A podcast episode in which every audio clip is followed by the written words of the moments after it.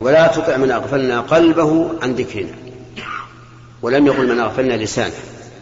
وفي هذا إشارة إلى أنه ينبغي للإنسان عند ذكر الله أن يكون حاضر القلب حتى لا يكون قلبه غافلا. ويدل لهذا أن النبي صلى الله عليه وسلم أخبر أن الشيطان يأتي الإنسان في صلاته ويقول اذكر كذا اذكر كذا يذكره بما كان ناسيا ولم يقل الرسول إن صلاته باطلة. فدل ذلك على أن الذكر وكل قربة يتقرب بها الإنسان إلى ربه مع الغفلة يكون له ثواب فيها وتجزئه عن الواجب إذا كانت واجبة لكنها ناقصة بحسب نقص حضور القلب. نعم فضيلة الشيخ السلام عليكم ورحمة الله. هل يصح أن تطلق كلمة شيخ لكل واحد من الناس ولا سيما أن هذه الكلمة أصبحت متفشية؟ أرجو توضيح ذلك. نعم. آه كلمة شيخ في اللغة العربية لا تكون إلا للكبير. إما كبير السن أو كبير القدر بعلمه أو ماله أو ما أشبه ذلك. ولا تطلق على الصغير لكن كما قلت آه، تفشت الآن حتى كان يلقب بالشيخ من كان جاهلا أو لم يعرف شيئا. وهذا فيما أرى لا لا ينبغي. لأنك إذا أطلقت على هذا الشخص شيخ وهو لا جاهل لا يعرف اغتر الناس به وظنوا أن عنده علما. فرجعوا إليه في الاستفتاء وغير ذلك وحصل بهذا ضرر عظيم. وكثير من الناس نسأل الله لنا ولكم الهداية لا يبالي إذا سئل أن يفتي ولو بغير لأنه يرى أنه إذا قال لا أدري كان ذلك نقصا في حقه. والواقع أن الإنسان إذا قال فيما لا يعلم لا أدري كان ذلك كمالا في حقه. ولكن النفوس مجهولة على محبة الظهور إلا من عصم الله عز وجل. فالذي أرى أنه لا تطلق كلمة شيخ إلا على من يستحق إما لكبره أو لشرفه وسيادته في قومه أو لعلمه. وهذا كما كان بعض الناس الآن يطلق كلمة إمام على عام على عامة العلماء. حتى وإن كان هذا العالم من المقلدة يقول هو إمام. وهذا أيضا لا ينبغي. ينبغي أن لا تطلق لفظ إمام إلا على من استحق أن يكون إماما وكان له أتباع وكان معتبرا قوله بين المسلمين.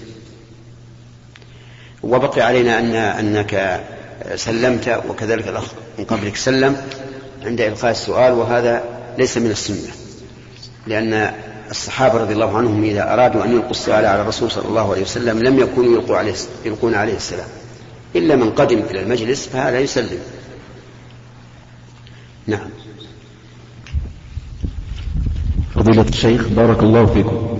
جاء في كتاب التراث الجغرافي الإسلامي للدكتور محمد محمود محمدين فقرتين. وبما أن أقوم بتدريس هذا الكتاب لطلبة في الكلية المتوسطة لعنيزة فأرجو من سيادتكم بيان صحة ما جاء في هذه في هذا الكتاب. الفقرة الأولى آه، يقول جاء في سنة الترمذي في كتاب فضائل القرآن هو الذي لا تزيغ به الأهواء ولا تلتبس به الألسنة ولا يشبع منه ولا يشبع منه العلماء ولا يخلق من كثرة الرد ولا تنقضي عجائبه وجاء في كتابه وانطلاقا من قول النبي عليه السلام لا تنقضي عجائبه. ينبغي علينا أن نوضح الإشارات القرآنية ودلالتها في ظل الحقائق التي وصل إليها العلم وبلغ مرتبة وبلغ بها مرتبة اليقين. فهل هذا وبلغ بها؟ وبلغ بها مرتبة اليقين. مرتبة؟ مرتبة اليقين. إيه. فهل هذا آه، أثر أم حديث فضيلة الشيخ؟ هذا حديث لكن في صحته نظرا.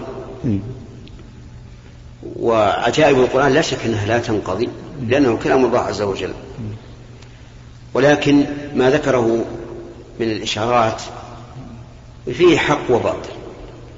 فالإشارات التي يرمي إليها الصوفية وغيرهم من أهل التخيل والفلاسفة لا شك أنها باطلة.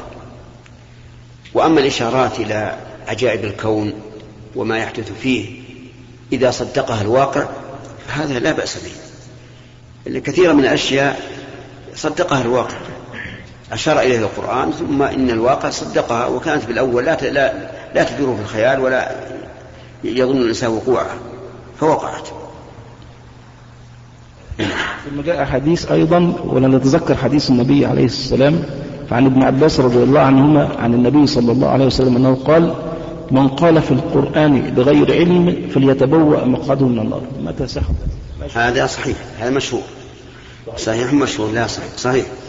يعني من قال بغير علم فليتبوأ مقعده من النار. وذلك آه، محمول على من يفسر القرآن برأيه لا بما يقتضيه الشرع. أو تقتضيه اللغة العربية.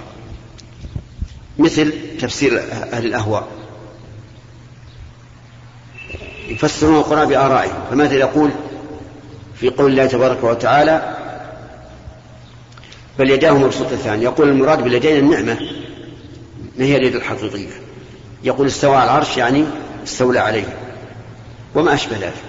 هذا فسر القرآن برأيه. أما من فسر القرآن بما يقتضيه الشرع أو بما تقتضيه اللغة حيث لا حقيقة له شرعية فإن هذا لا بأس به. نعم. سمحت الوالد رفع الله قدرك. رجل صام صيام تنفل ثم واقع زوجته وهو يصوم صيام تنفل. نفل؟ نفل نعم. آه، هل عليه إثم ذلك؟ وهل يقضي هذا اليوم خاصة يعني إنه كان في عبادة لله جل وعلا؟ رفع الله قدرك. آه، ليس على من جامع زوجته في صيام النفل حرج. لأن صيام النفل تطوع والتطوع إن شاء الإنسان عمضه وإن شاء قطعه. وقد جاء عن النبي صلى الله عليه وسلم أنه دخل على أهله فأخبروه بأنه أهدي لهم حيث فقال أبي فقد أصبحت صائما. فجاءت به إليه عائشة رضي الله عنها فأكل منه. وهذا دين على جواز قطع النفل سواء كان بجماع أو بأكل أو بشرب. وأما قضاؤه فإن كان هذا اليوم يوم معينا كصوم يوم الاثنين مثلا فلا, فلا يقضى لأن هذا الصوم مقيد بيوم معين وقد انتهى وزال. وأما إذا كان غير معين كصيام ثلاثة أيام من الشهر فإنه يقضي ولكنه ليس على سبيل الوجوب بل بل على سبيل الاستحباب. الله. هناك امرأة أخرجت زكاة حليها فلما أرادت إخراج زكاة زكاة حلي والدتها رفضت وقالت لا زكاة علي فيه وهي الآن تسأل هل هل لها أن تخرجها تخرج زكاة حلي والدتها بدون علمها مع أنها في السنة الماضية أخرجت الزكاة بدون علمها أما إخراج زكاتها عن حلي إخراج زكاة حليها فهذا لا شك أنه خير ومصلحة ومشروع بل واجب على المرأة أن تخرج زكاة الحلي إذا بلغ النصاب. كما دلت على ذلك الأحاديث الصحيحة عن النبي صلى الله عليه وعلى آله وسلم. وأما زكاة وأما زكاة حلي أمها فإن أذنت في ذلك ووكلتها فلا بأس. وإلا وإن أبت فليس على البنت شيء. لا يلزمها أن تخرج الزكاة. لا سيما إذا كانت أمها تقلد من يرى أنه لا زكاة في الحلي لأن المسألة فيها خلاف بين العلماء. فمن العلماء من يقول فيه الزكاة ومن من يقول لا زكاة فيه والراجح أن الزكاة فيه واجبة. نعم لا بأس تكون تطوعا. السنة الماضية تكون تطوعا وليس بواجب لأن الأم لا تعتقد الوجوب نعم. وليس لها أن تخرج بدون إذنها. نعم. فضيلة الشيخ هل تجب الطهارة لسجود التلاوة وغيرها من السجدات؟ هذا ينبني على أن سجود التلاوة هل هو صلاة أو لا. فإن قلنا إنه صلاة وجبت له الطهارة. لقول النبي صلى الله عليه وسلم لا يقبل الله صلاة أحدكم إذا أحدث حتى يتوضأ. وإذا قلنا إنه ليس بصلاة لم تجب له الطهارة. والمسألة فيها خلاف بين العلماء. والذي نرى أن سجود التلاوة لا لا لا يفعله المرء إلا إذا كان طاهرا وإلا فلا يسجد. وأما سجود الشكر فإنه يأتي الإنسان بغتة وقد يكون على غير استعداء على غير وضوء فهنا لا بأس أن يسجد. فنرى الفرق بين سجود التلاوة وسجود الشكر. ومما يدل على هذا الفرق أن سجود الشكر في الصلاة لا يجوز. يعني لو أن الإنسان وهو يصلي بشر بولد له فإنه لا يسجد للشكر. لكن لو كان يتلو القرآن ومر بآية سجدة فإنه يسجد. فهذا الذي أراه في المسألة. أن سجود التلاوة لا بد فيه من طهارة وسجود الشكر لا تشترط له الطهارة. اللي هو؟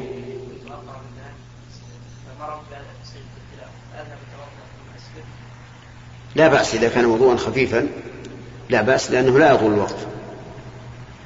ولكن ينبغي أن لا تقرأ القرآن إلا على طهارة. الأفضل للإنسان أن لا يقرأ أن لا يقرأ القرآن إلا على طهارة سواء قرأه من المصحف أو عن ظهر قلب.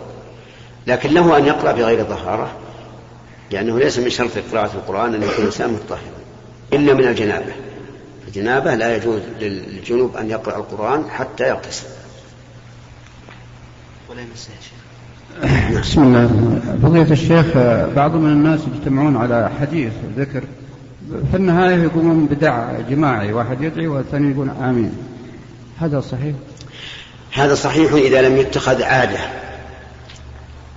فإن اتخذ عادة صار سنة وهو ليس بسنة. دائما يقومون به يعني. لا أقول هذا هذا الجواب. إذا كان هذا عادة كلما جلسوا ختموا بالدعاء. فهذا بدعة لا نعلمه عن النبي عليه الصلاة والسلام. وأما إذا كان أحيانا مثل يمر بهم وعيد أو ترغيب ثم يدعون الله عز وجل فلا بأس. لأنه يفرق بين الشيء الراتب والعارض. العارض قد يفعله الإنسان أحيانا ولا يلام عليه. كما كان الرسول عليه الصلاة والسلام أحيانا يصلي معه بعض الصحابة في صلاة الليل. جماعة. ومع ذلك ليس بسنة أن يصلي الإنسان جماعة في صلاة الليل إلا لشيء أحيانا يعني. نعم. أفهمت الجواب الآن؟ نعم. فضيلة الشيخ حفظكم الله. صلى مصلي خلف إمام فنام في آخر سجدة. وما استيقظ الإمام ولا لا لا المأموم. المأموم. نعم. وما استيقظ إلا مع سلام الإمام. فهل يتم ويسجد سجود السهو علما بأن سهو الإمام سهو للمأموم ولا يتم بدون كيف سهو الإمام؟ الإمام ما سهل. هل هذا يسجد الآن سجود السهو ولا؟ نعم. هذا الرجل الذي ينام في آخر سجود آخر سجدة يعني ما بقى عليه إلا التشهد. ولما سلم الإمام انتبه وقام من السجود.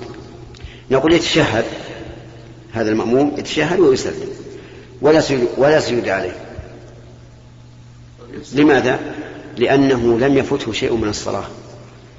والإمام يتحمل سجود السهو عن المأموم إذا كان المأموم لم يفته شيء من الصلاة. بدون تشهد؟ يجب عليه أن يتشهد ويسلم. فإن كان لم يذكر إلا بعد مدة أو لم يعلم إلا بعد مدة وجب عليه أن يأتي بالصلاة كاملة. لا إذا أتى بالصلاة كاملة ما هو سجد السهو سلم. بعد السجود سلم مع الإمام. نعم. أي نعم. ثم لما سلم مع الإمام؟ سلم هل الآن ماذا يعني يشهد وش اللي وقع الآن؟ سلم ولا شهد إذا يجب عليه أن يعيد الصلاة من أول الآن. يعني بلغه أنه يجب عليه أن يصلي من من جديد. فهمت؟ لكن لو ذكر في الحال بعد أن سلم مع الإمام ذكر أنه يجب عليه أن يتشهد. يجب أن يتشهد ويسلم ولا يسجد ولا يسجد السهو. وسبب ذلك أنه تابع لإمامه. نعم. فضيلة الشيخ عفى الله عنك. هل إذا كانت المرأة إذا كانت المرأة لديها حلي عليه زكاة وليس عندها مال فهل للزوج أن يخرج الزكاة عن زوجته؟ إذا نعم لا بأس يعني إذا كانت امرأة عندها حلي ولكن ليس عندها مال تخرج منه الزكاة وأخرج عنها زوجها أو أبوها أو أخوها أو ابنها فلا بأس. لكن بإذنها حتى لو كان عندها مال وقال الزوج أنا أريد أن أخرج زكاة حليك فلا بأس بعد إذنها. نعم. طيب فإن لم يكن عندها مال والزوج لا ليس بمستعد لإخراج زكاتها. وكذلك ليس أحد يريد أن يخرج عنها فإنها تبيع من الحلي بقدر الزكاة وتزكي. إيه. نعم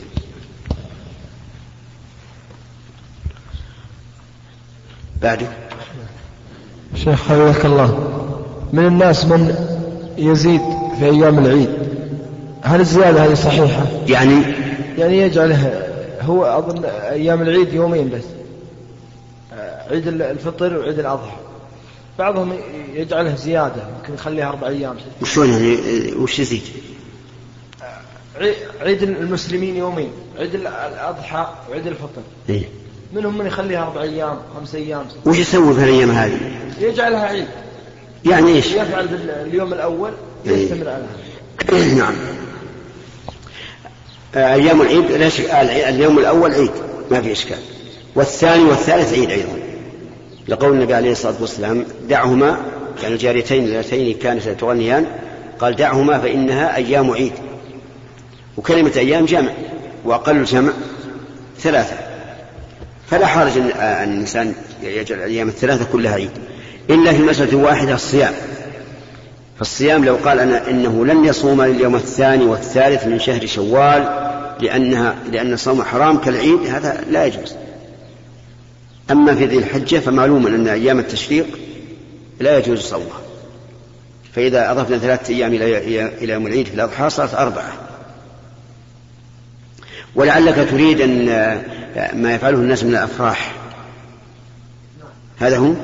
إن نقول هي ثلاثة أيام. في العيدين عيد الأضحى وعيد الفطر. المسرق الأعياد يا شيخ. الآن في ناس يحتفلون بضرب على الزير يأتون بهاجيج وبالسيوف والبنادق. فأنكرنا على الزير قد نبغى فتوى من الشيخ. توضح ذلك. وما صحة الحديث اللي يقول عن الرسول صلى الله عليه وسلم أن عم حمزة قطع في أحد وغضب الزير وتجمع عمي. إيش؟ أن عم حمزة أي نعم قطع لحمه في أحد غزوة أحد وأنه غضب الزير فإن لحم عمي يتجمع بهذا الشيء. وأنه إيش؟ فضرب الزير فتجمع لحم حمزة. آه ضربه من؟ الرسول؟ لا ضربوا على الزير بارك الله فيك. وتجمع اللحم؟ أي فأغلى العوام قالوا نبغى إجابة من فضيلة الشيخ وفصل على الزير ونحن مستعدات للخدمة الزير حجر. اللي نفهم من الزير من من آلات اللهو المحرمة. لأنه ليس كالدف. الدف مما جاءت السنة به في أيام الأعراس ومما أبيح في أيام الأعياد. في أيام الأعياد. الدف. نعم. للرجال والنساء في مسألة العيد وفي مسألة العرس للنساء فقط. ومن العلماء من قال للنساء والرجال لكن لا نفتح الباب في هذه المسألة. أما الزير فليس كذلك لأن الزير أشد صوتا من الدف ونغمته أشد تطريبا للإنسان فلا يقاس عليه. فهو حرام إي نعم حرام. لأن الأصل في المعازف أنها حرام فلا يباح منها إلا ما جاءت السنة باستثناء. نعم. فضيلة الشيخ أحسن إليكم. صلى أحد الأئمة في صلاة القيام وسلم على ثلاثة ركعات. ولم يذكر. سلم إيش؟ على ثلاثة ركعات. يعني سلم من ثلاث ركعات. نعم. ثم لما سلم ذكروه قالوا صلينا الثلاثة. قام وأتى بواحد ثم سلم. ثم أتى بالوتر. هل هذا صحيح؟ أولا بارك الله فيك يجب على الإنسان أن يعلم أن صلاة الليل مثنى مثنى كما قال النبي عليه الصلاة والسلام. فإذا قام إلى الثالثة سهوا وجب أن يرجع إذا ذكر ولو كان قد طرأ حتى أن الإمام أحمد رحمه الله نص على أن الرجل إذا قام إلى الثالثة في صلاة الليل فكأنما قام إلى الثالثة في صلاة الفجر يعني فإذا فإن تعمد القيام بطلت وإن لم وإن كان سهوا وجب عليه الرجوع لتصح الصلاة. في المثال الذي ذكرت نقول إن إن إتمامه الأربع لا بأس به. يتم الأربع حتى لا يكون عنده وتران ثم إذا أتم آه، صلى الوتر كما فعل هذا الرجل ولا بأس به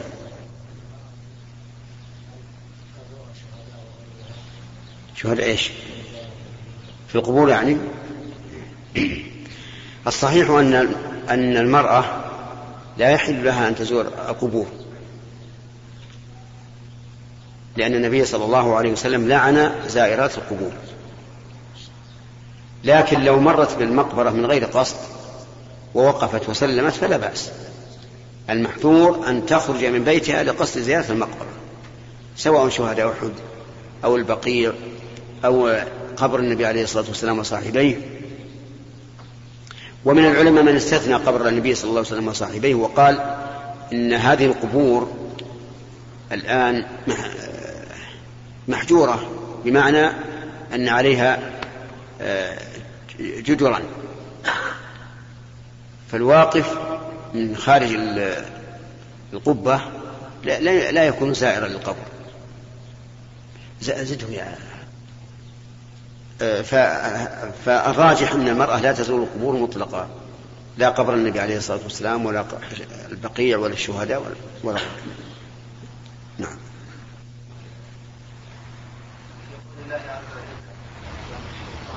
وما كان وما كان عليكم من السلطان إلا أن دعوتكم فاستجبتم لي.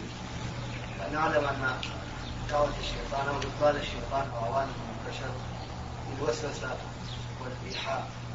ونرى ونسمع كثيرا أن بعض الناس من أولياء الشيطان يطيرون بالهواء أو يأتون بأعمال خارقة. فكيف نوفق بين أن الله عز وجل قال في أمر الشيطان أنه دعوة ثم هم يعني يفعلون أعمال غير عادية؟ فنريد التوفيق. نعم. هؤلاء الذين يقومون بأفعال خارقة للعادة تعينهم الشياطين على ذلك لأنهم أجابوا دعوته أجابوا دعوة الشيطان فأعانتهم الشياطين على ما يريدون. فمثلا لا يمكن هؤلاء أن يقوموا بما يقومون به من هذه الخوارق إلا بعد أن يشركوا بالله ويكفروا به بطاعة الشيطان. إما أن يقول الشيطان اسجد له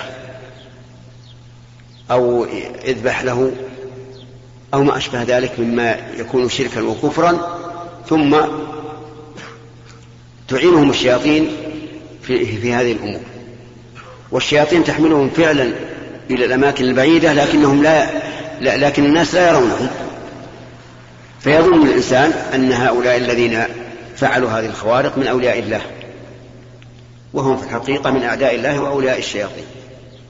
نعم. واضح الآن؟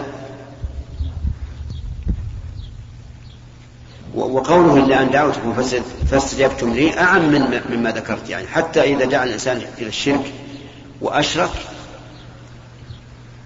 فإنه يكون قد أجاب الشيطان. يعني في تفسير الآية نسمع أو يعني نقول أن في تفسير الآية يقول أنا ما لي عليكم سلطان. ولا لي عليكم قوة ولا قدرة ولا حجة. لكن دعوتكم إلى إلى إلى ما دعوتكم إليه فاستجبتم لي. إمام قام إلى الركعة الثانية من صلاة العيد ولم يكبر. تكبيرات. بل شرع في الفاتحة. والسؤال؟ الصلاة عليه سجود سهو هذا الإنسان إذا إذا ترك التكبيرات في صلاة العيد وعني بها التكبيرات الزائدة فإن صلاته لا تبطل. لأن هذه التكبيرات سنة. إن أتى بها الإنسان كان أكمل لصلاته وأكثر لثوابه وإن لم يأتي بها فلا حرج عليه. فإذا تركها نسيانا فإنه يسجد للسهو استحبابا لا وجوبا. لأن القاعدة في سجود السهو أنه يجب لما يبطل الصلاة عمده. يعني الشيء الذي إذا تعمدته بطل صلاتك فإنك إذا فعلته ناسيا فإنك إذا فعلته ناسيا تسجد له وجوبا. وأما إذا كان لا يبطل الصلاة عمده فإنه لا لا, يجب السجود له. هذه القاعدة. وهذه ال وهذه ال التكبيرات سنة. لو تركها الإنسان متعمدا فصلاته صحيحة. فإذا تركها نسيانا قلنا يستحب له أن يسجد للسهو. نعم. إيش؟ في الحالة الثانية سيقول عدد التكبيرات مثل يعني عددها مختلف عن العدد الذي إي نعم؟ لا بأس. يعني معناها أنه, ترك التكبيرات الزائدة في الركعة الثانية دون الأولى. ما يضر. كما لو مثل سبح في في السجود في السجدة الأولى سبح مثل ثلاث مرات في الثانية مرة واحدة. نعم. تفضل. دخلت يا شيخ في المسجد الحرام ما صليت العشاء؟ وجدت يصلي التراويح صلي معها التراويح في العشاء أو صلي الشباب نعم. إذا دخل الإنسان إلى إلى المسجد والناس يصلون صلاة التراويح وهو لم يصلي صلاة العشاء فإنه يدخل معهم بنية العشاء.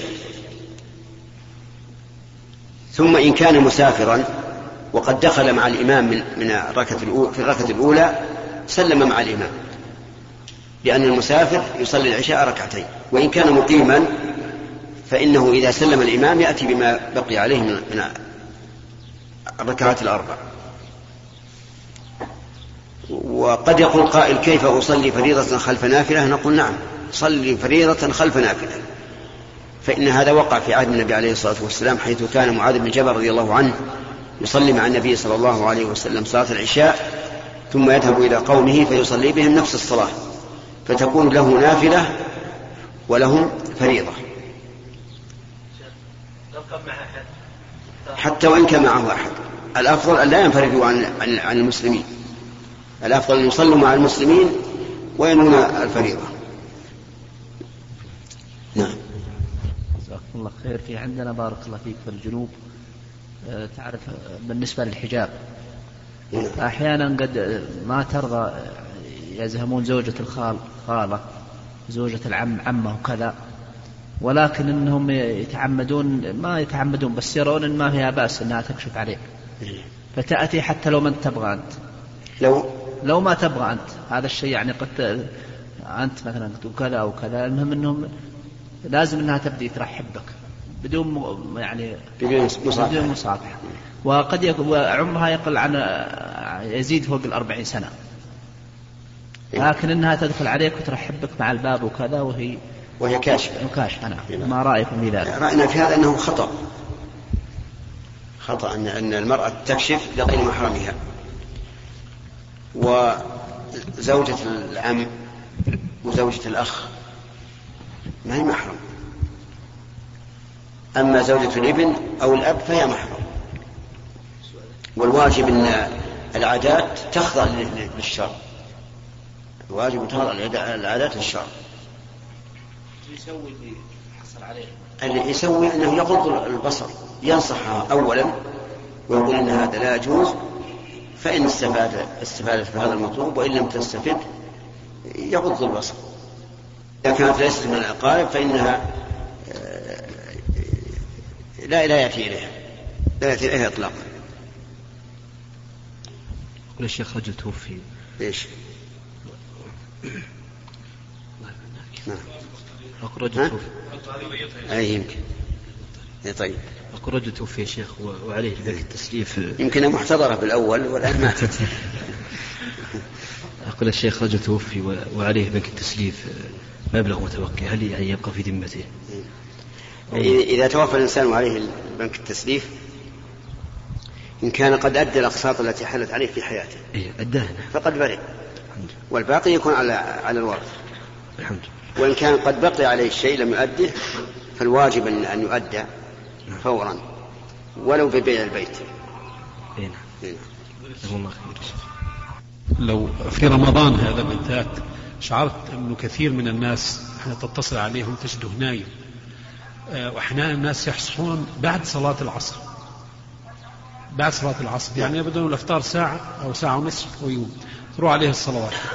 فهل هذا يدخل تحت تارك الصلاة كسلا؟ إيه. يعني كل الظهر والعصر الظهر والعصر. ما يصلي. نعم. جزاك الله خير. الذي نرى أن ترك الصلاة الذي يوجب الكفر هو الترك المطلق. وأما ترك بعض الصلوات فلا, فلا يخرج به الإنسان من من الإسلام لكنه لا شك أنه فاسق. ويقال لهذا الرجل كيف تصوم ولا تصلي؟ هذا من الغرائب الله المستعان. بارك الله فيكم.